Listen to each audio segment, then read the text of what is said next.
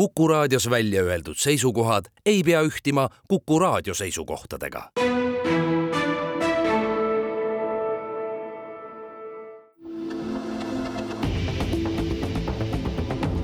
kahevahel. kahevahel igareedene vestlussaade Kahe vahel, Madis Kimmel, Ainar Ruussaar alustavad ja Kuku raadio stuudios on Tallinki juhatuse esimees Paavo Nõgene, tere! tere! Paavo on elukutseline tippjuht, ta on olnud teatrijuht ja endine Eesti kõrge riigiametnik, mitme kultuuriorganisatsiooni ja sihtasutuse nõukogu liige, nagu näiteks Vanemuine Draamateater, Estonia teater, Eesti Kontsert, Eesti Rahvusringhääling, Eesti Filmi Instituut, Kultuurileht praegu, Paavo, olete Eesti Kunstimuuseumi nõukogu liige, vastab tõele? vastab tõele. aga alustuseks palju õnne teenetemärgi puhul! aitäh! ja kui me teenetemärgist hüppame kohe nii-öelda päevapoliitikasse, siis äh, täna hommikul äh, tegi kapo ja prokuratuur teatavaks, et Tõnis Möldrile on äh, tehtud siis altkäemaksu küsimise kahtlustus ja, ja mille peale ma hakkasin mõtlema teie karjääri jooksul, eriti just nii-öelda ettevõtlus- ja ärivaldkonnas, kas, kas on selliseid juhtumeid või selliseid hetki ette tulnud, kus poliitik noh, pilgutab silma või, või otseselt küsib?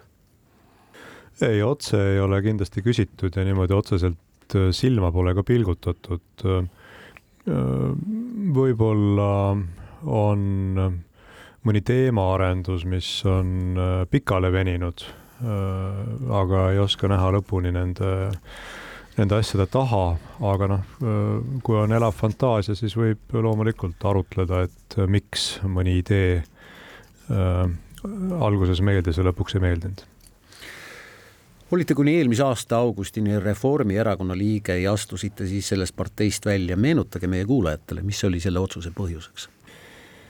no üks põhjus oli, oli kindlasti see, et äh, see, kuidas äh, mulle tundus, et selles MTÜ-s viimasel ajal asju aetakse, ei lähe kuidagi kokku minu nägemusega sellest, et sooviks olla sellise MTÜ liige.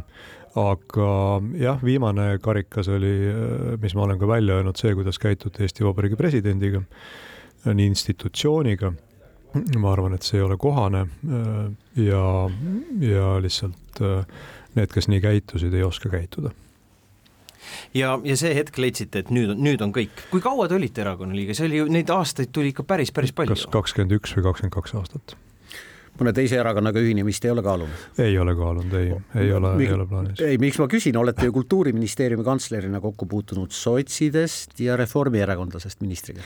jah, ja Vanemuise teatri juhiks määras mind keskerakondlasest minister, nii et ja noh, paradoks on ju ka see, et tegelikult minu volitusi vahetult enne seda, kui ma Tallinkisse kutsuti, pikendati ja seda tegi siis Keskerakonna, Isamaa ja sotside valitsus.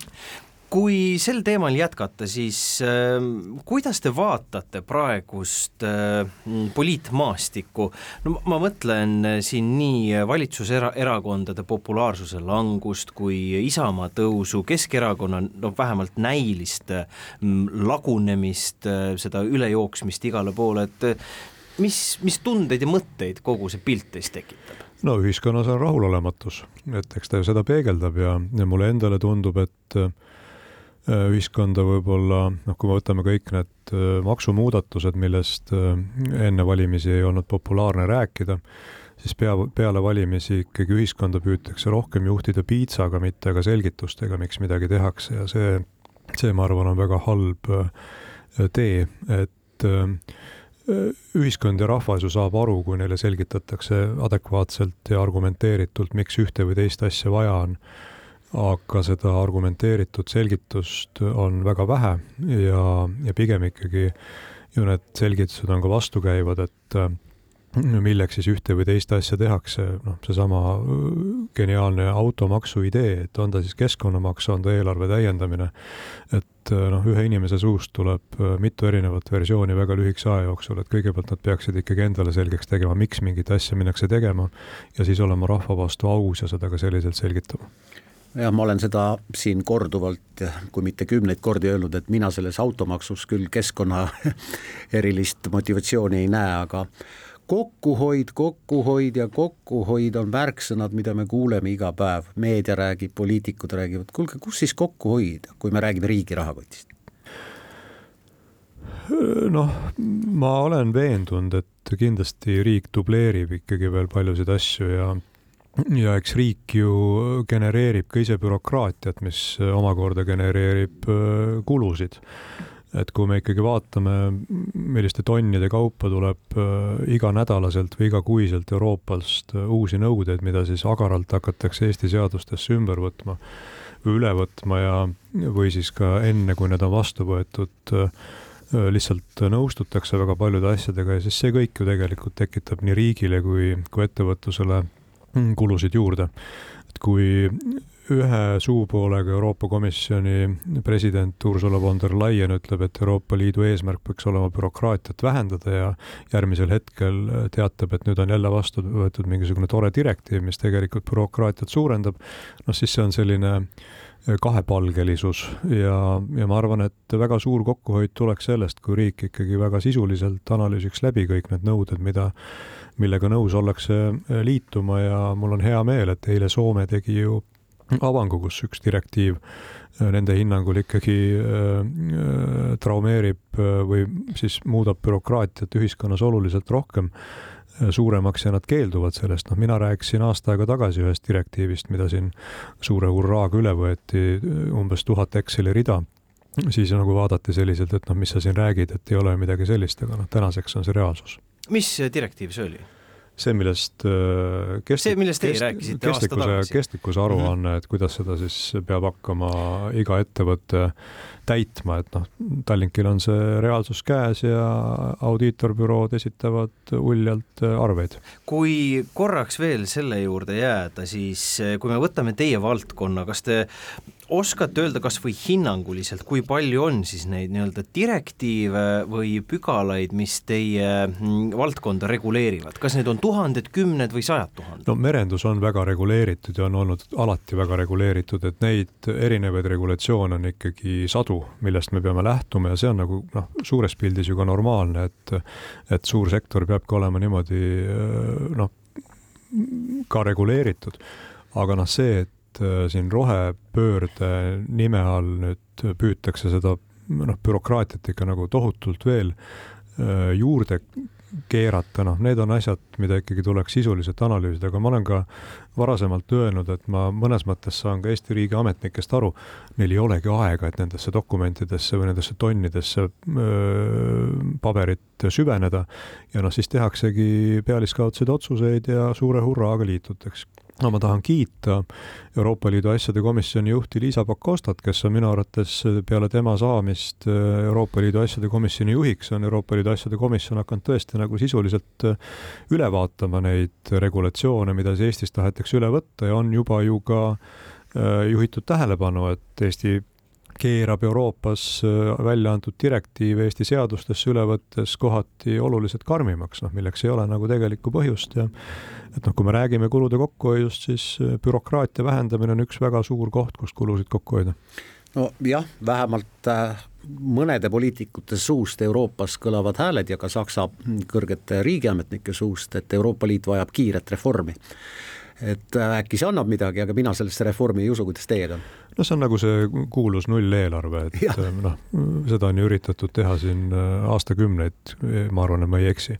et noh, lõpeb see kõik ühtemoodi, et noh, võtame sellesama näite, mis siis riik siin kärpis eelmise aasta lõpus tegi selle aasta eelarvet ja noh, siis kolm või neli kuud arutati, et kust leida viiskümmend miljonit eurot, et Tallink pidi Covid kriisi alguses viiskümmend miljonit eurot kärpima kahe päevaga ma tahaks äh, selle ploki lõppu veel küsida mm, ühe sellise päevapoliitilise küsimuse, mis nüüd siis on seotud teie endise koduerakonnaga, et kas siis Andrus Ansip peaks äh, Europarlamenti kandideerima või peaks ta tegema nii, nagu äh, Kaja Kallas talle soovitas, mitte seda tegema? Andrus Ansip peab kindlasti Europarlamenti kandideerima, sest et sellise kogemusega inimesi vajab äh, Europarlament rohkem, mitte vähem.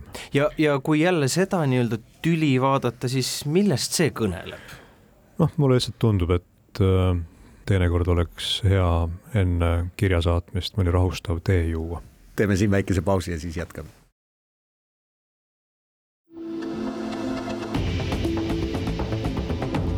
kahevahel. kahevahel Te kuulate saadet Kahe vahel, Ainar Ruussaare ja Madis Kimmeli vahel istub Paavo Nõgene Paavo, räägime, räägime veel majandusest. meie seis on täbar. me oleme kaheksa kvartalit järjest olnud majanduslanguses. kuidas teie seda mm, olukorda vaatate, et kuidas me siit võiksime välja tulla, kas äh, toetuste süstimine või, või tuleks hambad ristis ära kannatada, kuidas sellele läheneda? no ega äh, makse tõstes rikkust ei saabu üks asi on see, et kui ikkagi majandus on tõestanud kaheksa kvartalit järjest languses, siis äh, sellel ajal erinevaid makse tõsta on kontraproduktiivne tegevus ja sellele on ju viidanud ka mõned meie suured sõbrad, äh, teised riigid, kes selliselt ei käitu. et kui me nagu liitlassuhteid peame oluliseks, siis teinekord võib-olla tuleks ka maksupoliitikas vaadata, mida nad teevad ja mitte ise jalgratast leiutada. teine on see, et äh, kui me räägime majanduse elavdamisest, siis kõik, mis me jätame täna ehitamata, ehitame me mõne aja pärast kallimalt ja suure tõenäosusega on see oluliselt kallim, kui täna võtta laenu ja maksta intressi. et me oleme viivitanud siin paarkümmend aastat äh, teatud äh, sõlmmaanteede lõpuni ehitamisega. täna oleks see aeg, kus tegelikult tuleks ära teha sest et äh, see intress, mida tuleb maksta pangale, on suure tõenäosusega odavam kui see, kui kalliks läheb see ehitus äh, siis, kui me seda jälle edasi lükkame. ja riik peabki investeerima sel ajal, kui majandus on kehvasti ja, ja ei tohiks karta seda, et võtta veel kolm-neli miljardit eurot laenu ja suunata see väga sihtotstarbeliselt taristuinvesteeringutesse, mis elavdavad majandust äh, päris kindlasti ja toovad ka tulevikus lisandväärtust, nii et minu arvates iga täna edasi lükatud öö, oluline ja vajalik investeering on tegelikult tulevikus suurem kulu kui täna. ehk võiks valmis ehitada Tallinn-Tartu neljarealiseks ja, ja sama teha Via Balticaga? no Tallinn-Tartu võib-olla täies ulatuses ei peagi olema neljarealine, et võib-olla Põltsamaalt edasi piisab ka sellest, et on, on möödasõidurajad ja see on ju maailmas väga tavapärane. aga loomulikult jah, Tallinn-Pärnu ja, ja on ju veel erinevaid objekte, mis tegelikult on ju teada, et tuleb äh, lähiajal valmis ehitada, et et noh, ma ei tea, võib-olla kultuurivaldkonnast, et noh, me ju teame, et Rahvusringhäälingu stuudiod lihtsalt ühel hetkel kukuvad kokku, et noh, mida kauem me seda edasi lükkame, siis seda kallimaks see lõpuks läheb. no piir tuleb ka pidama saada. ja piir tuleb valmis saada absoluutselt, et äh, noh, täna on see aeg, kui tuleks, tuleks ehitada. no ja selles vaates ilmselt Peterburi maanteed jälle ei ole mõtet neljarealiseks ehitada. no ilmselt mitte ja Narva, Narva silda ka ei ole mõtet rekonstrueerida. Paavo Nõgene, ebavõrdsus on alati olnud, on majanduslik, sooline, seksuaalne, poliitiline, ilmselt ka jääb kunagine Briti peaminister Tony Blair ütles kunagi, et äh, kui sa pead jahti nendele inimestele, kes on ühiskonnas kõige rikkamad, siis tegelikult ei tee sa mitte midagi nende heaks, kes on alumises otsas. kuidas teie suhtute astmelise tulumaksu ideesse? ma ei ütleks, et see lõpuni on halb idee äh, noh, küsimus on ju, kuidas need astmed tehakse, et sellest, et äh, meil ju täna on tegelikult mõnes mõttes astmeline, et seesama maksuküür, et noh, selle tagasipööramisest ma tõesti aru ei saa, et me oleme kõik sellega harjunud ja kui, kui selle hind on tõesti pool miljardit, noh siis lihtsalt selleks, et see oli kellegi valimislubadus, nii nagu ühel teisel erakonnal äh, personaalne riik, mis läheb maksma kakssada miljonit laenuraha, noh, need on asjad nagu, mis tuleks esimesena maha tõmmata sellel ajal, kui meil on keeruline. Ja noh, ma väga loodan, et see personaalne riik ikkagi nagu näitab ära siis ka, kust see tulu tuleb, et äh, et tõesti, et hakatakse sihistama toetusi nendele, keda see on vaja, mitte ei, ei äh, lennutata enam helikopterilt. noh, täna räägiti lihtsalt, et kahesaja miljoni euro eest tehakse äpp. ma just tahtsin küsida teie käest, et kas te olete aru saanud, mis see personaalne riik nüüd täpselt siis on? Äh, loosungina on ta väga kõlav ja tore ja siis räägitakse, et sinu vajadustele vastavalt nii, nagu sul on tarvis ja nii edasi ja nii edasi, aga tegelikult jääb see ikka kõik väga häguseks. ei no tore oleks ju, kui tõesti, ma ütlen, et toetused ja kõik sellised vajadus, loogiliselt võttes vajaduspõhised asjad muutuks ka vajaduspõhiseks, et noh, täna on seda riigil raske administreerida, aga seda ei ole nagu täna välja kommunikeeritud tehtud, aga noh, ma usun, et selle peale kindlasti öeldakse, et süüdi on kommunikatsioon Kind. kindlasti kommunikatsioon on naljakas asi, olen liitunud äh, ühe väga olulise äpiga ja nüüd ausalt öeldes mõtlen selle äpi eemaldamist, sellepärast et saan liiklusõnnetustest enda postkasti kogu aeg teate. ja et noh, tegelikult ju ega see personaalne riik on ju ka noh, tuleks vaadata ka selle teist külge, et kas see tegelikult äh, toob selle, et riik hakkab meis, meie tegevusse rohkem sekkuma ja noh, sellel on mitu tahku, et, et aga jah, ma ei ole lõpuni aru saanud, et noh, kui tõesti räägiti, et tuleb äpp ja et siis sealt saab kolimisabi, noh siis see, see nagu ei ole, ma arvan, see, millega seda võiks Eesti rahvale siis müüa või esitleda, et miks see on vajalik no hea küll, tuleb maha võtta need valimislubadused ja, ja makse mitte tõsta äh, ja, ja võtta laenu, kas te arvate, et need kolm asja nii-öelda võiksidki meid äh, olla meie nii-öelda siis see hõbekuul, kui need rakendada, siis äh, kaks kvartalit veel ja oleme rõõmsasti plussis? no karta on, et kahe kvartaliga seda enam rakendada ei jõua, sest et noh, kõik asjad, ettevalmistused võtavad ju aega, et, et ka, aga loomulikult makse ei peaks kriisist tõstma. Äh, investeerima peaks ja loomulikult need aitaksid meid selles probleemis edasi. ma sihin natuke ka sinna, et tegelikult on ju meil äh, tohutu palju selliseid äh, noh, väga sügavale juurdunud probleeme ja selliseid probleeme, mis aina tõsisemaks lähevad, kas või rahvastiku vananemine ja, ja meie haridusega seotud probleemid, et need ju muutuvad aina noh, hallist aina mustemaks iga aastaga. absoluutselt, aga noh selle asemel, et äh, neli kuud tegeleda, et kas hotellide käibemaksu tõsta ja kolm kuud tegeleda, et kas õpetajatele anda viis miljonit eurot, selle asemel peakski tegelema sisuga. aga tegeletakse äh, sellise noh, poliittehnoloogiaga, et üks ei taha anda teisele punkti, et noh, võtame seesama õpetajate streik, et noh, minu jaoks kui endise kõrge riigiametniku jaoks oli algusest peale selge, et see lõpeb kompromissiga, kus ikkagi midagi õpetajad saavad, aga noh, miks selleks sellist trianglit oli vaja korraldada. aga noh, täna tuleks loomulikult tegeleda süvitsi ka sellega, et see haridussüsteem ära reformida. aga ma kahjuks julgen ennustada, et, et see tulemus on see, et saadakse aru, et et äh, see läheb äh, oluliselt rohkem maksma kui see viis miljonit eurot. ja siis öeldakse, et äh, raha ei ole ja sinna see jääb. ma väga loodan, et see haridusreform ikkagi kiiresti ära tehakse, minu meelest on üheks lakmuspaberiks eestikeelsele haridusele üleminek, vaatame, mis siis saama hakkab ja kui hästi sellega toime tullakse, aga ähm, Paavo Nõgene, kas Eesti peaks olema senisest avatum nende migrantide jaoks, kes on haritud, kes on IT-spetsialistid, kes on insenerid?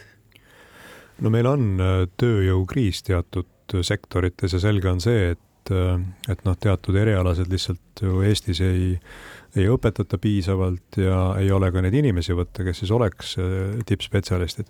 mõnes mõttes jaa, aga noh, seal peavad olema selgelt ka noh, selged kriteeriumid, et, et tõesti ei saaks siis juhtuda see, et tuleb kuskilt äh, teisest kultuurist inimene hakkab siin tööle ja lõpuks tuleb tal kaheksa sugulast järgi, kes siin tööle ei hakka, et et jah, kui tõesti nagu sihtida sellele, et äh, vajalikud ettevõtted saaksid äh, kõrge kvalifikatsiooniga spetsialiste või neid spetsialiste, keda Eestis ei ole või kelle õpetamine võtab väga palju aega, siis jah, ma kindlasti toetan, et see number ei peaks olema äh, tuhat kolmsada inimest, et kas see number on siis kolm tuhat või viis tuhat, noh, see on juba teine teema et äh, ma arvan, et olulisem on see, et see sisu, keda vajatakse ja, ja mis siis sellega kaasneb no aga teistpidi, meil on ju tegelikult puudu ka kõige tavalisematest ja lihtsamatest töökätest, neid inimesi lihtsalt ongi Eestis vähe, et kuidas siis äh, seda probleemi lahendada või, või mismoodi seda vaadata?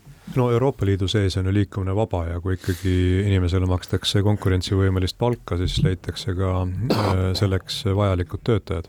Äh, aga äh, loomulikult, noh, meil on tegelikult ka rahvastiku vananemisega seoses süvenev probleem, et töökäsi hakkab ju ka jääma tegelikult äh, teatud sektorites vähemaks, aga ma ei dramatiseeriks seda kindlasti hetkel üle, et eks päeva lõpuks on ka see, et teenuste, teenuste eest peab küsima õiglast tasu ja, ja siis see paneb turumajanduses ka tegelikult paika selle, et millistesse sektoritesse noh, millised sektorid on elujõulised ja millised mitte. Paavo, milline on teie kui endise teatrijuhi ja endise Kultuuriministeeriumi kantsleri arvamus, kas agressorriigiga tuleks lõpetada igasugune suhtlus kultuurivaldkonnas ka? mina olen oodanud ammu, et tuleks täielik kaubanduse embargo. see oleks ainus asi, mis tegelikult äh, reaalselt mõjutaks äh, seal elavaid inimesi. Sillamäe sadamas kaotas kolmsada inimest töö jah, ma mõtlen ikkagi seda, mis puudutab teisel pool piiri, et see, kui jäädakse ilma äh, välismaa toodetest poes ja need tõesti enam sinna kunagi ei jõua. see, kui enam ei saa osta lääne sigarette, see, kui ei saa enam osta Prantsusmaa veini, sellel on oluliselt äh, jõulisem järelm kui see, et äh, keeratakse kinni mõne panga SWIFT äh, konto. no aga teistpidi, kui me vaatame praegu paljusid äh, riike, olgu nad siis äh, stanid või, või mõned muud, siis liiklus ja, ja kaubad käivad ju sedapidi. jah, aga noh, see on jällegi, see on teatud kontrollorganite tegemata töö, et see mm. sedasi saab toimuda ja ja noh, ütlen veel, et kui oleks käi-, täielik kaubandusembargo, noh siis ju oleks ju selgelt näha, et kust kaup edasi liigub ja siis on nende riikide suhtes Euroopa Liidul ka omad instrumendid, aga ma saan aru, et äh, nagu ikka kõikides valdkondades, siis on, on ka erinevatel riikidel erinevad huvid ja ja noh, meiegi, Tallink on ju väga suurte kontsernide toodete tarbija, noh, võtame kas või siis, ma ei tea, Prantsuse, Prantsusmaa vein et noh, me oleme väga jõuliselt äh, vestelnud nendega, noh, aga me üksi ei saa. aga arusaadavalt, et noh, kui ma olen üsna veendunud, et Prantsusmaa riik ilmselt ei ole nõus äh, kehtestama sanktsioone, et äh, Venemaal ei tohi enam Prantsusmaa veini viia. meil on külas Paavo Nõgen, pärast pisikest pausi jätkame juttu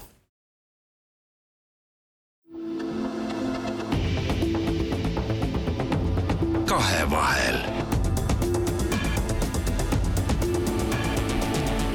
kahevahel. Madis Kimmel, Ainar Ruussaar ja vestlussade Kahe vahel jätkub. meie vahel Kuku raadio stuudios on Tallinki juhatuse esimees Paavo Nõgene. Tallink Grupp on Eesti laevanduskontsern, mis veab parvlaevadel reisijaid ja veeremlasti Läänemerel kaubamärkide Tallink ja Silja Line all. lisaks on Tallink tegev hotelliäris ja kiirtoitlustuses Balti riikides ning omab osalust taksofirmas.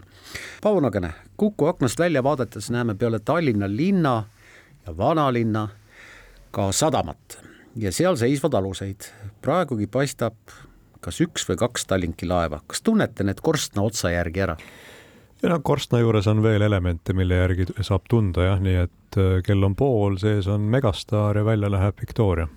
kas äh, ainult kellaaja järgi või, või ikkagi nii-öelda hea küll, te praegu ei näe aknast välja, aga põhimõtteliselt kaugelt nii-öelda tunnuste järgi tunnete ikkagi ära ja, kogu laevastikku? ja tunneb ikka ja noh, tegelikult äh, kella järgi ka lõput, lõplikult ei saa öelda, sest et äh, Megastar ja MyStar vahetavad üle nädala äh, graafikuid, nii et äh, aga jah, kes tahab väikest nippi, siis MyStaril on korstna ümber sellised kuldsed jooned, Megastaril neid kuldseid jooni pole. kuulge, kuidas Tallinkil läheb? Tänan küsimast, eelmine aasta läks peale nelja aastat kriise juba päris hästi, aga ebastabiilsust on palju ja ja seetõttu me oleme ikkagi olukorras, kus me kõiki laevu, mis tegelikult Tallink omab, ei ole võimalik Läänemerel opereerida, vaid me oleme nad välja rentinud, siin lihtsalt ei ole selleks piisavalt reisijaid. ja see olukord kestab, ma arvan, veel paar aastat, et äh, me oleme väga paindlikud, me püüame reageerida väga kiiresti nõudlusele ja, ja tõesti oleme õnnelikud selle üle, et meil on olnud võimalik oma laevu ka rentida mujale, näiteks me juba üle pooleteist aasta teenindame Hollandi riiki kus on kaks laeva, meie Silja Euroopa ja Galaxy, kes siis äh, majutavad äh, sisserännanud migrante ja, ja aitavad riiki selles osas, nii et erinevaid töid äh, laevad teevad. kas ma mäletan õigesti, et COP kahekümne ühe aegu oli ka Tallinki laev see, kus osa inimesi siis majutati? jah, COP kakskümmend kuus oli, oli see ja siis oli kaks laeva suisa, et oli Silla Euroopa ja Romantika ja samal aastal toimunud G7 tippkohtumisel samamoodi oli meie Silla Euroopa, mis siis äh, majutas äh, UK Home Office'i politseiametnikke. Paavo, milline on täna Tallinki suurim laev? Suurim laev on Silla Euroopa äh, ja ta on, äh, ta on muide jätkuvalt maailma kõige suurem ferri tüüpi laev kajutite arvult. Äh, nimelt siis ferri selles mõttes, et ta saab vedada nii kaupa kui reisijaid ja tema kajutite arv tõesti üle tuhande kajuti on jätkuvalt maailma kõige suurem, suurem ferri ja, ja mis nipiga on kõige parem nendes mänguautomaatides raha võita, mis tal see on seesama nipp, nagu te mängite Eesti Lotot, et kas kui..., kas need on alles üldse, ega ma tegelikult ei tea, kui aus olla. ja on ikka, et neid opereerib äh, Soome riigiga seotud ettevõte Pahv. ma esitan ilmselt rumala küsimuse, aga mind tõesti huvitab see. kui palju üks suur ja kaasaegne noh, seitsme või kaheksa tekiga ferri maksab? no Tallink eelmise nüüd siis juba jah, üle-eelmise aasta lõpus äh, tõi äh, liinile MyStari, MyStar maksis üle kahesaja viiekümne miljoni euro ja kui mõelda liinide peale, siis Tallinn on ju, ju kenasti ühendatud, aga kuidas on Riiaga, et enne pandeemiat oli ju nii-öelda see Riia suund ja Riia avamine ju väga teema, et kuidas, kuidas praegu? Läti ja Rootsi vahel käis vahev, eks? me, me tõesti opereerisime kuusteist aastat Riiast Stockholmi, aga kui tuli Covid, siis peatus ja noh, täna ei ole see turism selles osas nii palju taastunud, et seal oleks võimalik laevaga kasumlikult opereerida, nii et me lähiajal äh, Riiast äh, liini avada taas ei plaani. ja sellist varianti ka tulevikus ei ole, et saaks Tallinnast Riiga, Riiast Tallinna, saaks selliseid kruiise? noh, see ei ole väga mõistlik jah mm -hmm., et see läheb talle väga kalliks, aga loomulikult, et Kuku raadio või siis Postimees Grupp, et meil on ka erakliente, kes laevu rendivad ja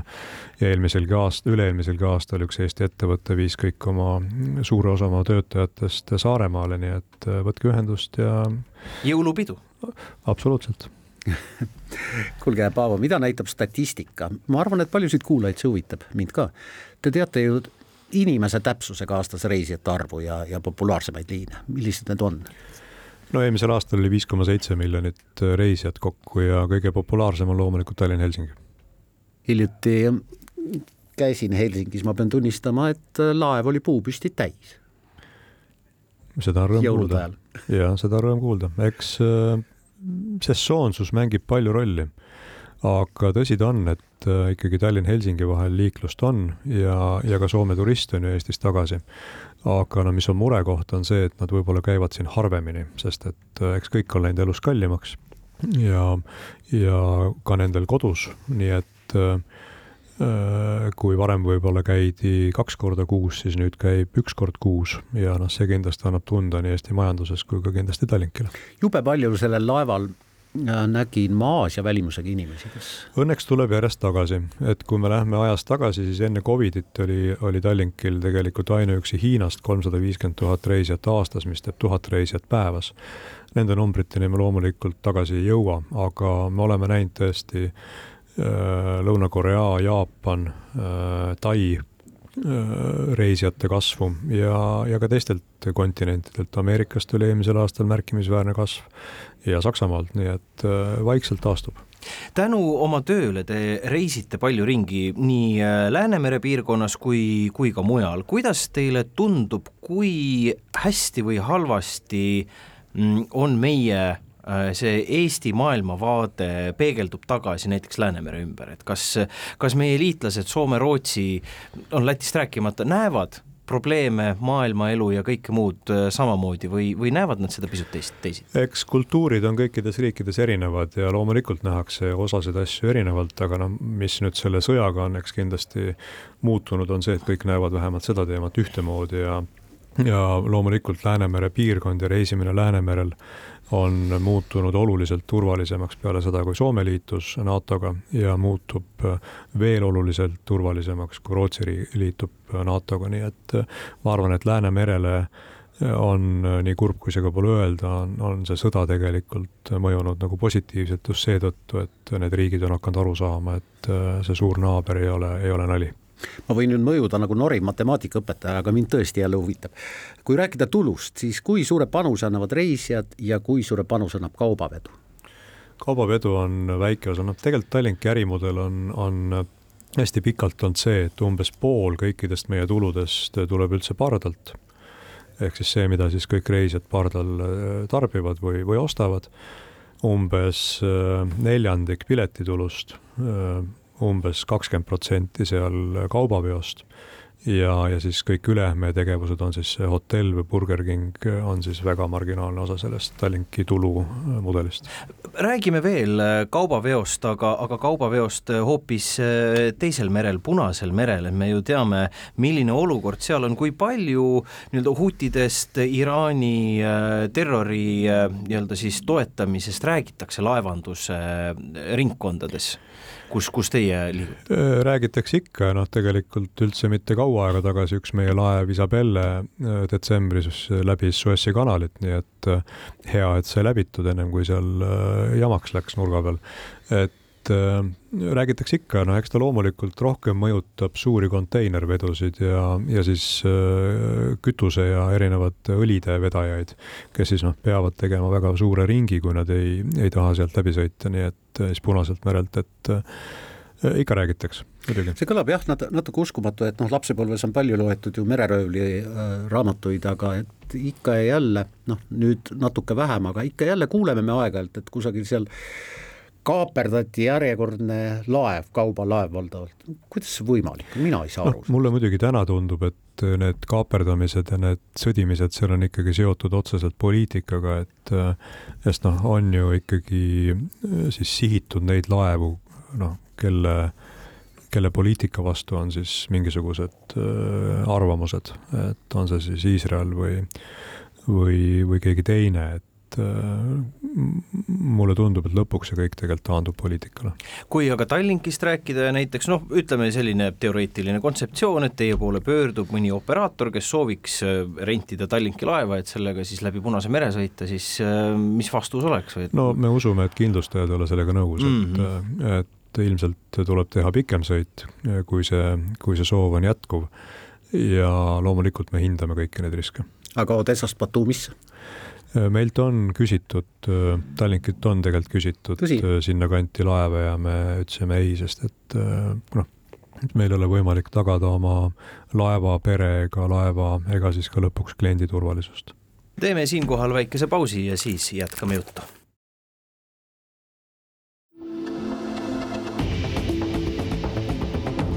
kahevahel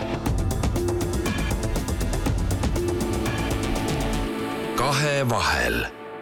Madis Kimmel ja Ainar Ruussaar jätkamas saadet ja meie kahe vahel on täna Tallinki juhatuse esimees Paavo Nõgene. Paavo, rohepööre ei ole loodetavasti mitte ainult moodne palju kasutatud väljend, vaid loodetavasti omab ka sisu. merendussektoris toob see kaasa kulude kasvu, kuna heitmekvoodi kauplemissüsteem laieneb nüüd ka sellele tegevusvaldkonnale see tähendab, et te hakkate siis heitmekvootide eest rohkem maksma või neid ostma või seletage see lahti merendussektor jah, liideti kvoodisüsteemiga ja kui ühel hetkel direktiiv vastu võet-, või üle võetakse Eesti seadusandlusse, siis me peame hakkama ostma kvooti. kõik läheb kallimaks?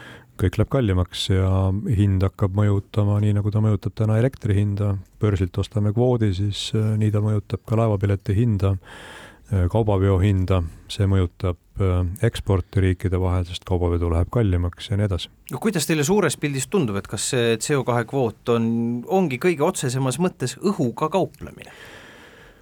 Äh, minu arvates selle kvoodisüsteemi suurim probleem on see, et seda, seda tehakse kuskil mustal börsil, mida tegelikult ju, mille sisse keegi ei näe, et kes seal ostab kvooti tõesti selleks, et tal seda vaja on ja kes seal ostab mingitel muudel spekulatiivsetel põhjustel et ma saaks palju paremini aru, kui Euroopa Liit ütleks, et on olemas äh, CO2 aktsiis, noh, või kuidas iganes me seda nimetame, või maks, et tõesti, et täpselt äh, tal on kindel tariif, noh, lepitakse kokku mingi tonni hind, mis hakkab iga aasta mingi protsendi võrra muutuma ettevõtjatel oleks võimalik näha pikka perspektiivi, et kuidas see hind muutub, mitte nii, et täna on hind võib-olla viiskümmend eurot tonn ja homme on sada eurot tonn, et selliselt on väga raske äri ja, äri ajada ja investeeringuid teha. aga jah, täna on olukord see, et äh, me peame seda kvooti ostma ja, ja sellega harjuma jätame selle jutumärkides keskkonnasõbraliku automaksu kõrvale, aga paljud suured autotootjad kiitlevad aeg-ajalt, kui keskkonnasõbralikud on nende uued mudelid, mille nad välja lasevad. no rohepööre peaks tähendama seda, et laevafirmad investeerivad samamoodi aluste keskkonnasõbralikkusse, on see? jah, me teeme seda, me teeme seda tegelikult juba paarkümmend aastat, aga, aga mis on probleem, et täna tegelikult merendussektoris äh, sellist alternatiivset kütust, mis, millega oleks võimalik jõuda siis nullheitmeni, ei eksisteeri. ei eksisteeri ka sellist tehnoloogiat just pikamaa ja suure, suurematele laevadele. et see tehnoloogia on kõik arendusjärgus, see võtab aega ja noh, toon lihtsalt näite, et LNG, mis on täna jätkuvalt maailmas kõige puhtam merenduses kasutatav kütus, see tuli merendusse umbes kuusteist, seitseteist aastat tagasi ja selle aja jooksul on suudetud siis ümber ehitada alla kahe protsendi maailma laevastikust. Et see on väga pikk protsess, ennem peab tekkima see tehnoloogia või see kütus ja siis on võimalik hakata sellele üle minema. et noh, Euroopa Liit teeb täna kindlasti seda, et, et kõigepealt maksustab laevandusettevõtted ära, noh, siis justkui nagu piitsaga, nagu ma ennem ütlesin, et on piitsa palju, et äkki siis hakkavad millelegi üle minema, aga noh, fakt on see, et meil ei ole millelegi hetkel üle minna. jah, lühematel distantsidel on siin lootust rääkida vesinikust, on lootust rääkida elektrist, noh näiteks Saaremaa liinil. aga kui me räägime ikkagi suurtest laevadest, siis täna seal tehnoloogia puudub ja ja, ja ei ole seda tehnoloogiat ka lähiaastatel näha. see tähendab, et seal sõidetakse ikka põhiliselt diisliga? no meie sõidame LNG või diisliga, et jah, väga suures osas ja paraku see nii jääb üsna pikaks ajaks, sest et Äh, päeva lõpuks on ka laeval elukaar, on see siis nelikümmend viis, viiskümmend aastat, kui ma just siin ennem ütlesin, et ühe laeva ehitamine maksab kakssada viiskümmend miljonit eurot, noh siis äh, seda ju ei, ei viska ära, et äh, natuke rutakad otsused teatud sektorite osas, et ei ole ju isegi ju veel autosektoris nagu lõplikult äh, selge, et noh, millega siis suured rekkad sõitma hakkavad, et ja noh, kuidas seda jalajälge mõõdetakse, et keegi ei tea ju täna, et kui kaua tegelikult Tesla aku vastu peab, et noh, ei ole veel ju see kümne või viieteist aasta tsükkel läbi, et kui tihti sa pead hakkama seda vahetama ja kuidas see siis, kuidas see siis kõik seda jalajälge mõjutab? Teie oskate kindlasti tulevikku vaadata, mina ei oska, vähemalt oma sektoris. mille poolest erineb aastal kaks tuhat kolmkümmend neli laevatehasest väljuv laev tänasest laevast? ta kindlasti on energiatõhusam, aga millega ta sõidab, et kas ta, kas ta sõidab jätkuvalt LNG-ga või ta siis, mõned laevad võib-olla sõidavad veeldatud vesinikuga, mis on lühematel distantsidel, mõned noh, räägitakse siin ammoniaagist, räägitakse isegi tuumareaktoritest, mida on ju kasutatud sõjalaevadel, et see kõik on tulevik, aga kuna sinna jõutakse ja milline neist on kõige kõige rohelisem ja kus siis seda rohelist kütust saadakse, kui kaugelt see tuleb, noh, see kõik on nagu selline noh, tore on sel teemal fantaseerida, aga päriseluga täna on sellel vähe pistmist. ja, ja tore mõelda, et tule meie tuumaferri pardale. Miks mitte? Aga kui kuidagi perspektiivi püüda panna tänaseid laevu, siis äh, kuidas võrrelda nii-öelda diisel- ja LNG-laeva, et ma ei tea, mitu ühikut tunnis või, või meremiili peale või kuidas see, kuidas see käib üldse? LNG on kolmandiku võrra siis mm -hmm. efektiivsem ja, või siis äh, loob vähem heitmeid. nii et jah, kolmandik umbes on see võit äh, Tallinkil, äh, Megastaril ja MyStaril, mis siis on ainsad nii-öelda kõige rohelisemad äh, laevad Eesti ja Soome vahel no kui võtta näiteks ütleme, kui panna diisellaev Eesti ja Soome vahele, kui palju diislit kulub, et jõuda siit äh, kuskil kaheksa tonni. kaheksa tonni diislit. see on hoomamatu number selles mõttes, aga jälle, kui sa vaatad laeva, siis ei tundu. jah, aga noh, kui me, kui me arvutame selle teisipidi, et sinna laeva mahub äh, kaks kilomeetrit rekkaid, sinna laeva mahub veel juurde umbes poolteist kilomeetrit sõiduautosid ja sinna mahub kaks tuhat kaheksasada reisijat, siis äh, üleveetud ühiku kohta on merendus kõige puhtam liik ka siis, kui sõita diisliga nii et äh, jälle tuleb neid perspektiivi panna, neid, neid numbreid ja vaadata. tuleb panna perspektiivi, aga noh, ei, ei tasu poliitikakujundajatel rutata ajast ette, et et noh, see on, äh, ma saan aru, et nendel on valimistsükkel neli aastat, aga noh, ettevõtted peavad elama ka peale seda. ma saan teist aru, et ettevõtjad on aru saanud, et rohepööre läheb kalliks. päris kui sendi pealt kalliks ei tea keegi, aga kas poliitikud on sellest aru saanud? ma, ma haarasin teie sõnasabast kinni, et jah, valimistsükkel on neli aastat, noh, rohepööre võiks kesta igavesti. mulle tundub, et äh, mida aeg edasi, seda rohkem hakatakse sellest aru saama, et kurat, see on üks kallis asi. et ma just äh, nägin, et varsti tuleb Eestis, esitatakse üks seaduseelnõu, kus hakatakse siis kodukütte CO2 teemat jälle arutama, et, et äh, kuna seal on seotud ka siis see merenduse ülevõtmine, siis ma nägin, et selles oli juba kajastatud ka seda, et noh, ilmselt see jälle korraks toob selle teema poliitikutele pilti. ja noh, päeva lõpuks ju arveid peavad maksma ka nemad aga jah, olen ka mina püüdnud äh, rahandusministeeriumist korduvalt äh, või neid siis irriteerida, et püüda aru saada, et mis rohepööre Eestile maksma läheb, siis seda ei ole suudetud kokku võtta. Ja noh, kui me läheme ajas natuke tagasi, see on ju see Fit for fifty five suur pakett, mis siis tegelikult ühel juulikuu ilusal päeval valitsus võttis vastu ja pressikonverentsil, valitsuse pressikonverentsil pühendati sellele kaksteist sekundit ja keegi ei tea, mis see maksab ja siis me jaurame mingisuguse kümne minut-, kümne miljoni pärast õpetajatele. noh, lihtsalt on kurb tõdemus, et tegelikult ma olen veendunud, et äh, need, need inimesed, kes neid otsuseid on teinud, tegelikult ei ole aru saanud, mis mõjuga otsuseid nad on teinud. ent teistpidi meid on planeedil tohutu palju, me kulutame tohutult palju planeedi ressurssi ja planeet ühel hetkel lihtsalt viskab meid üle parda. ja ma olen selle kõigega nõus, tulebki mm -hmm. teha, tulebki muutuda.